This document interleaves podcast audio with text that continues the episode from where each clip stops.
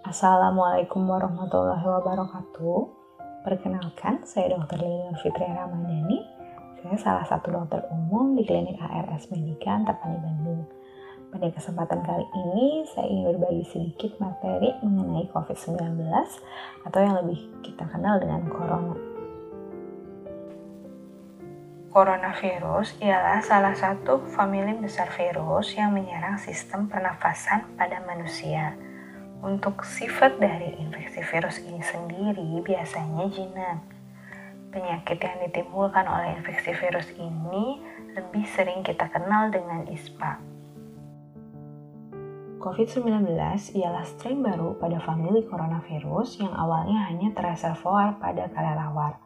Virus ini bermutasi dan kemudian menginfeksi terenggiling, selanjutnya menginfeksi manusia, dan menyebar luas antara manusia dengan manusia melalui droplet. Bentuk dan struktur genetik dari virus ini sangat menyerupai virus SARS, sehingga pada awal kemunculannya virus ini dinamai SARS-CoV-2. Seiring berjalannya waktu, virus ini berubah nama menjadi COVID-19. Contoh lain dari famili coronavirus yang awalnya reservoirnya berupa binatang dan kemudian menginfeksi manusia ialah SARS dan MERS. Catatan kasus untuk COVID-19 ini sendiri di dunia sudah mencapai 109.578 kasus dengan kasus kematian sebanyak 3.809 kasus.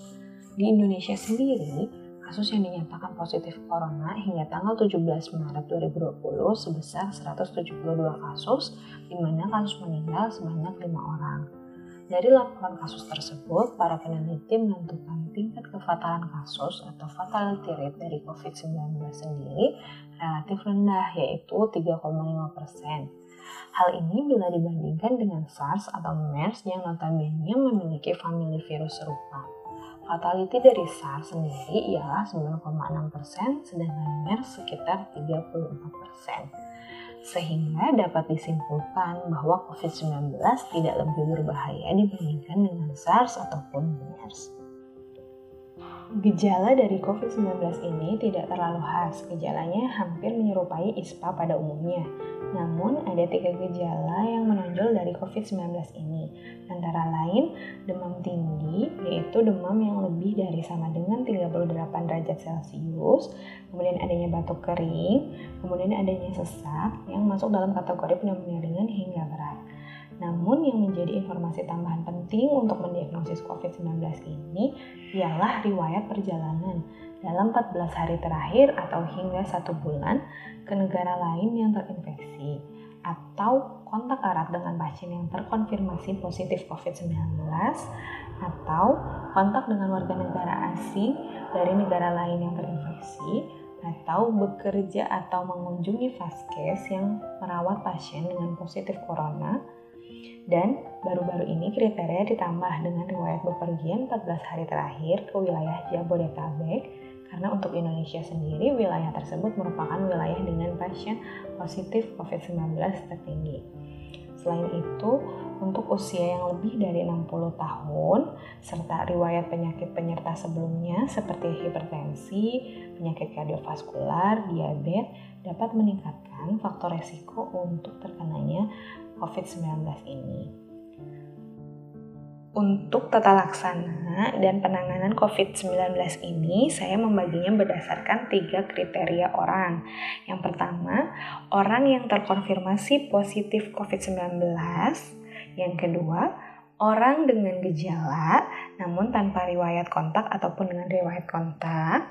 Kemudian, orang yang sehat atau orang yang tidak bergejala dan tidak ada riwayat kontak. Penanganan atau tata laksana bagi orang yang terkonfirmasi positif COVID-19 diharapkan dapat menerima penyakit tersebut dan mengikuti alur penanganan dari tenaga kesehatan setempat.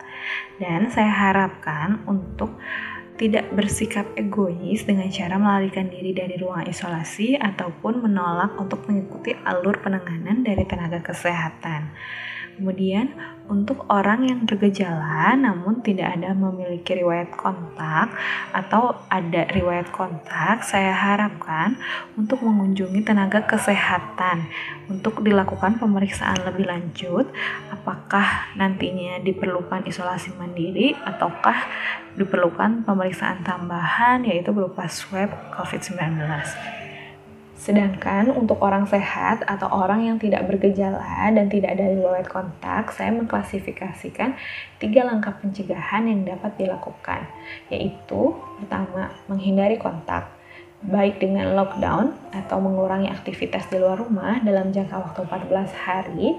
Namun apabila tempat kerja rekan-rekan kalian tidak mengizinkan atau tidak mengadakan lockdown, maka langkah lainnya yang dapat kita lakukan ialah social distancing atau menjaga jarak minimal 1 meter dari orang lain. Langkah kedua ialah PHBS atau perilaku hidup bersih sehat. Poin pertama yang saya akan bahas di sini ialah cuci tangan. Kapan saja sih waktu-waktu kita harus cuci tangan? Pertama, setelah kita berkontak dengan dunia luar, kemudian setelah kita berkontak dengan benda-benda umum, kemudian setelah kita berkontak dengan kendaraan umum massal, sebelum kita makan, kemudian sebelum kita menyentuh T-zone, atau mata, hidung, dan mulut seperti itu atau sebelum kita melakukan aktivitas-aktivitas lain. Namun apabila kita tidak dapat menemukan air mengalir dan sabun untuk mencuci tangan kita dapat menggunakan hand sanitizer ataupun hand rub.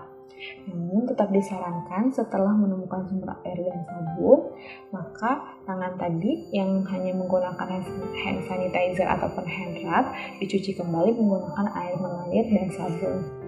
Poin kedua ialah etika batuk. Etika batuk ini dapat dilakukan dengan menggunakan masker, dengan menggunakan tisu, ataupun dengan menggunakan siku bagian dalam.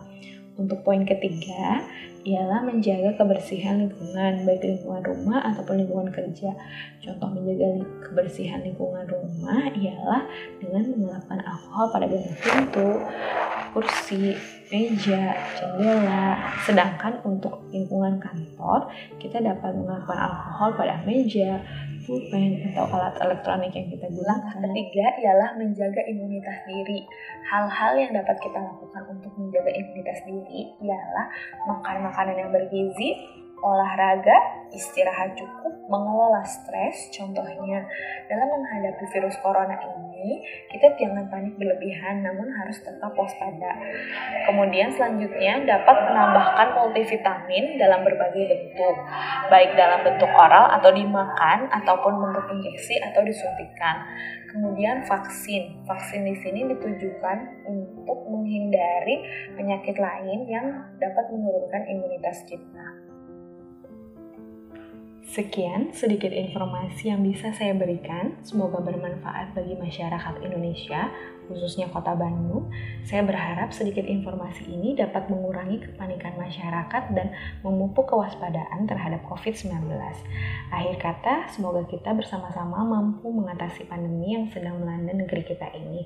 Mohon maaf bila ada kesalahan kata, baik yang disengaja ataupun tidak disengaja. Wabillahi taufiq wal hidayah. Wassalamualaikum warahmatullahi wabarakatuh. Moto terakhir, mari kita jaga yang sehat tetap sehat dan yang sakit untuk sehat.